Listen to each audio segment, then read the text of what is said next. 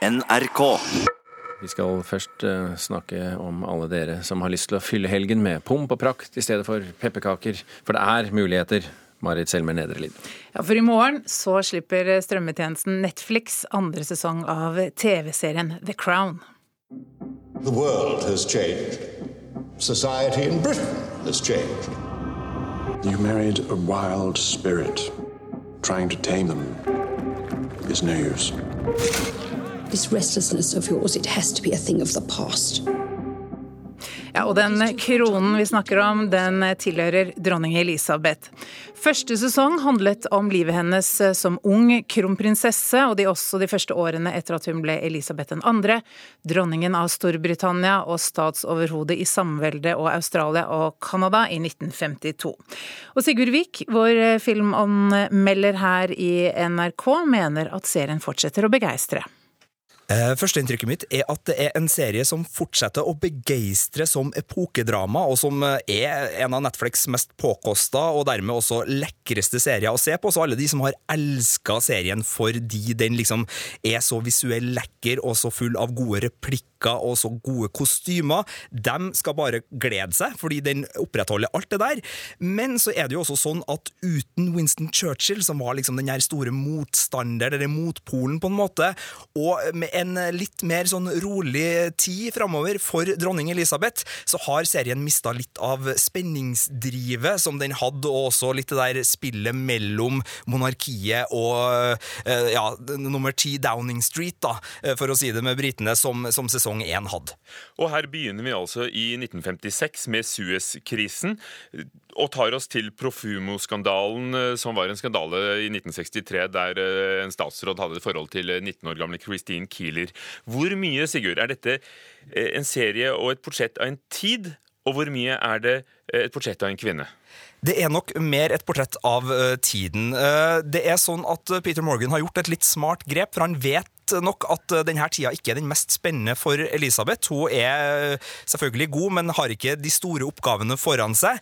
Så han har laga ekteskapet mellom Elisabeth og prins Philip som en ramme, for det var jo et kjølig og til tider veldig anstrengt ekteskap. Og så har han laga episoder som hver for seg tar for seg ulike begivenheter. Det være seg eh, politiske skandaler, eh, nazistkoblinga mellom Edvard, eh, altså hennes onkel, tidligere konge av England, og Hitler. Det er prins Charles på kostskole. Det er, som du var inne på, spionasjeskandaler opp mot uh, det som skjedde da med, med regjeringsskiftet. Så, så uh, det er liksom en serie som er mer en beskrivelse av uh, hvordan monarkiet i Storbritannia hadde på, på overgangen fra 50- og 60-tallet, men da uten å miste Elisabeth, så er det mer et samfunnsblikk vi får. Dette er jo en mystisk kvinne i virkeligheten. Verdens lengst regjerende monark. Kommer vi under huden på rollefiguren som Claire Foy spiller henne? Eh, på sett og vis. Samtidig så tror jeg nok Claire Foy med vilje eh, holder igjen. Eh, fordi det er noe med å klare å, å skildre denne personen som Ja, det blir sagt så fint i serien, uten at jeg skal spoile noe, men det er noe med at fra sin søster Margaret så får dronning Elisabeth høre at du er den eneste som kan liksom ta en av de mest offentlige posisjonene i verden og klare å bli enda mer anonym. Fordi dronningen er veldig reservert, veldig opptatt av å, å holde sin rolle som the crown, og ikke privatpersonen Elisabeth. Samtidig så er ekteskapet en, en, nøkkel inn for oss for å få se flere sider av dronninga, og se hennes kamp, da, og spesielt Jackie Kennedy, som kommer inn på et lite statsbesøk, og som er en uh, kvinne som uh, Elisabeth tilsynelatende ser opp til og har en god dialog med, pirker også borti noen sider som er litt øm for, for dronninga, og Claire Foy er nydelig i denne rollen. Hun har timing, hun har verdighet, hun har replikkleveringer som er helt utsøkt. og jeg kjenner jo ikke dronningen personlig, det må jeg jo bare innrømme, men ut fra en historisk dramaseriepresentasjon så er det fantastisk å følge også denne sesongen.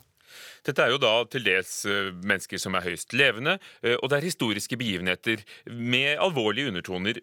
Er det historisk troverdig? Er det et mål for serien, tror du? Det er et veldig godt spørsmål, og det er vanskelig for meg som ikke har historisk eh, god nok bakgrunn til å vite når den dikter og når den ikke dikter, men det er klart at eh, serien tar seg friheter, og den er jo innom ganske store skandaler, da spesielt eh, nazikoblinga mellom Windsor-familien og, og, Hitler, og, og, ikke minst da prinsesse Margarets ekteskap til fotografen Anthony, som tar oss med inn i eh, Londons sosietetsliv på, på starten av 60-tallet, og så er det jo også noen koblinger med, med, prins Philip inn mot eh, noen eh, ja, litt uheldige politiske eh, bekjentskaper, muligens. Her går serien ganske langt i å trykke på de ømme punktene for, for kongehuset, og spesielt når det gjelder kong Edvard, så, så, kan det nok skape reaksjoner, for det er ikke helt leksikonvarianten vi presenteres for her, men det er opplysninger som er i hvert fall referert til i britisk presse, og som, som ligger i overflaten, men de holder ikke tilbake da i, i disse med litt sånn ømme, ømme punktene. Så, så, det blir spennende å se hvilke reaksjoner serien eh, vil vekke der. Spørs om det ikke blir en kopp te og noen agurksmørbrød til The Crown, som da har premiere på Netflix i morgen. Sigurd Vik ble intervjuet av Ugo Fermariello. Og fra storslagent britisk drama til litt mørkere Nordic noir. Første nyttårsdag er det premiere på fjerde og siste sesong av den danske spenningsserien Broen. Og med det skrives også siste kapittel i historien om kriminaletterforsker Saga Norén. Men selv om det bare er den 16 km lange Øresundbroen som skiller Sverige og Danmark, så har det vært språklige utfordringer med å lage serien. Hvorfor du Saga nå? Hun vil ikke altid se mig. Er det riktig, Stine? Den svensk-danske krimserien Broen synger nå på fjerde og siste verset. Og på nyåret får vi et aller siste møte med politietterforsker Saga Norén og hennes danske kollega Henrik Sabro. Da forrige sesong ble vist for over to år siden, fikk hele 3,3 millioner skandinaver med seg første episode.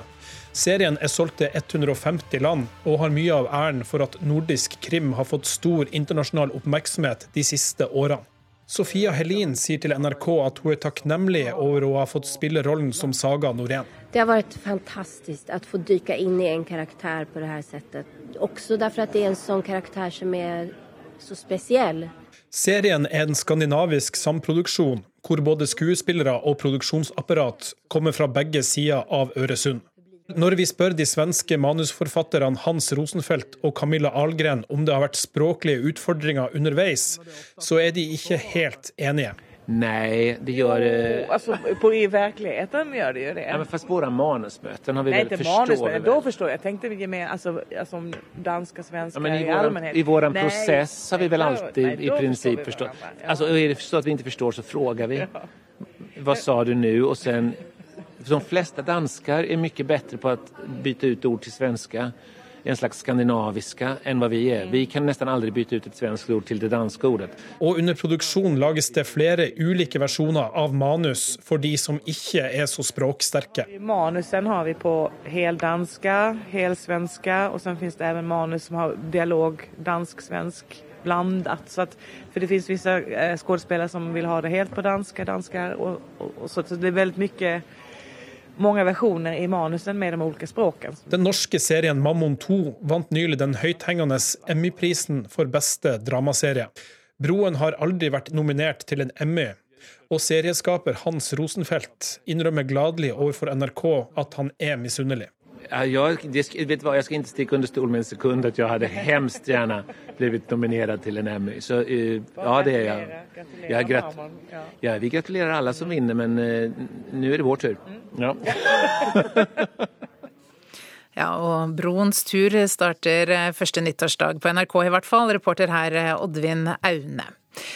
Det er fortsatt noen uker igjen av året, men allerede nå så har YouTube regnet ut hvilke videoer som er mest sett eh, hos dem da, i løpet av 2017. Hør på dette.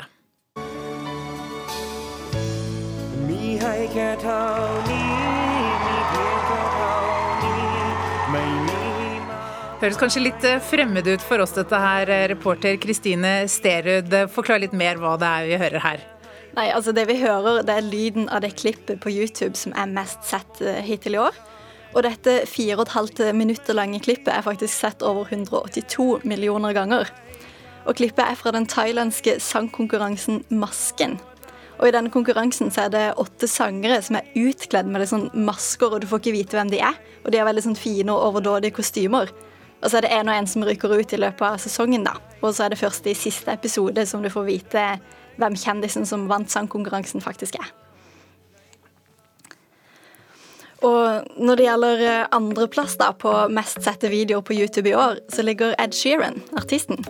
Men det er faktisk ikke musikkvideoen til sangen hans 'Shape of You' som ligger der. Det er nemlig en koreografivideo, der du rett og slett kan lære å danse til sangen. Og det er tydeligvis noen som har øvd ganske mye på denne dansen, for denne videoen er sett nesten 120 millioner ganger. 120 millioner. Hva mer finner vi på, på denne listen? Nei, Vi finner bl.a. triksing med bordtennisballer. Vi finner en video fra et talentshow der ei tolv år gammel jente er buktaler. Og så er det enda en video med Ed Sheeran som ligger der. Og på lista så ligger òg eh, Lady Gagas show under årets Superbowl. Og vi finner en parodi på da Donald Trump ble innsatt som president i USA, og to kortfilmer. Men på tiendeplass over mestet, så finner vi det klippet her. Uh, and what will mean for uh, for the wider region? I think one of your children has just walked in. I mean, shift, shifting, shifting sands in the region. Do you think relations with the north may change? Um, I would be surprised if they do. The um, pardon me. Ja, dette er kanskje min favoritt. Dette husker jeg veldig godt. Ja, for dette var da professor Robert Kelly ble intervjua live på BBC. Og han satt hjemme på kontoret sitt, og han snakka om Sør-Korea, som han er ekspert på. Og da kommer barnet hans vandrende inn i bakgrunnen, og du har en hushjelp eller en mamma som kommer løpende etter og får dratt de ut og sånne ting. Så det er ganske humoristisk, egentlig. Og dette klippet er sett over 25 millioner ganger. Mm. Og så er det jo eh, mest eh, sett på YouTube gjennom tidene er eh, Despacito, som er sett over 4,4 milliarder ganger. Takk skal du ha, Kristine Sterud. Fra nettklipp eh, og korte klipp til norsk film. Den norske filmen 'Kometen', laget av masterstudenter ved Den norske filmskolen på Lillehammer, har premiere i morgen. NRKs filmkritiker Birger Vestmo synes at denne historien rett og slett er for kort, men eh, han har latt seg imponere av et klimaks som han mener selv Steven Spielberg ville ha likt. Da stjernene og planetene oppsto, ble kometene på en måte til overs. Nå driver vi og svever rundt oppe i universet. Den norske filmen 'Kometen' kommer som en gledelig overraskelse på tampen av året. Dette er nemlig en lovende spillefilmdebut av regissør Bård Røssevold. Den er produsert av masterstudenter ved Filmskolen på Lillehammer, men har absolutt ikke noe skolepreg over seg.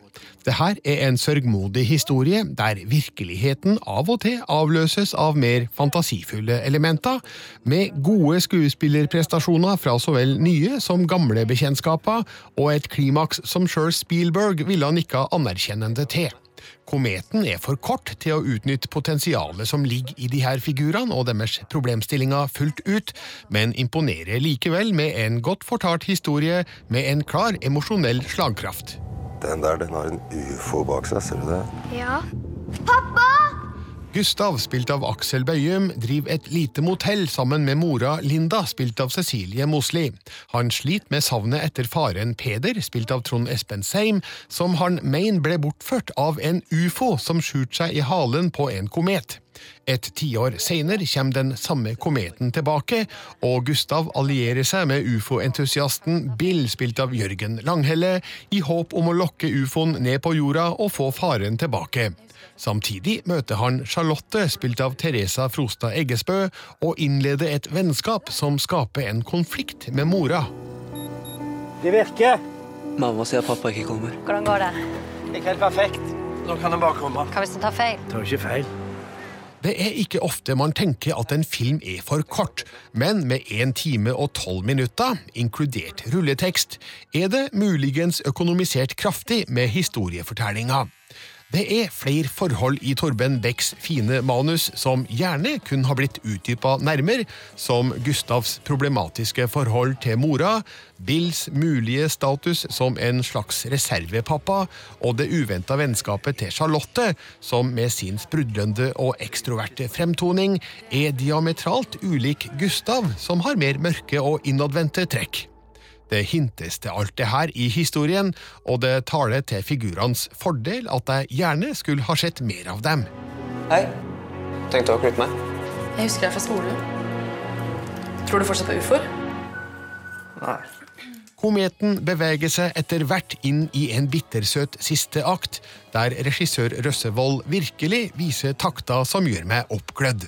Her spilles det godt på både hjertestrenga og den nydelige filmmusikkens instrumenter, slik at flere av figurene og historietrådene får gode, verdige konklusjoner. Kometen er kanskje en halvtime for kort, men imponerer med mye så lenge den varer. Kometen kommer snart tilbake. Når? Og det var Birger Vestmo som hadde anmeldt Kometen, som da du kan se i morgen.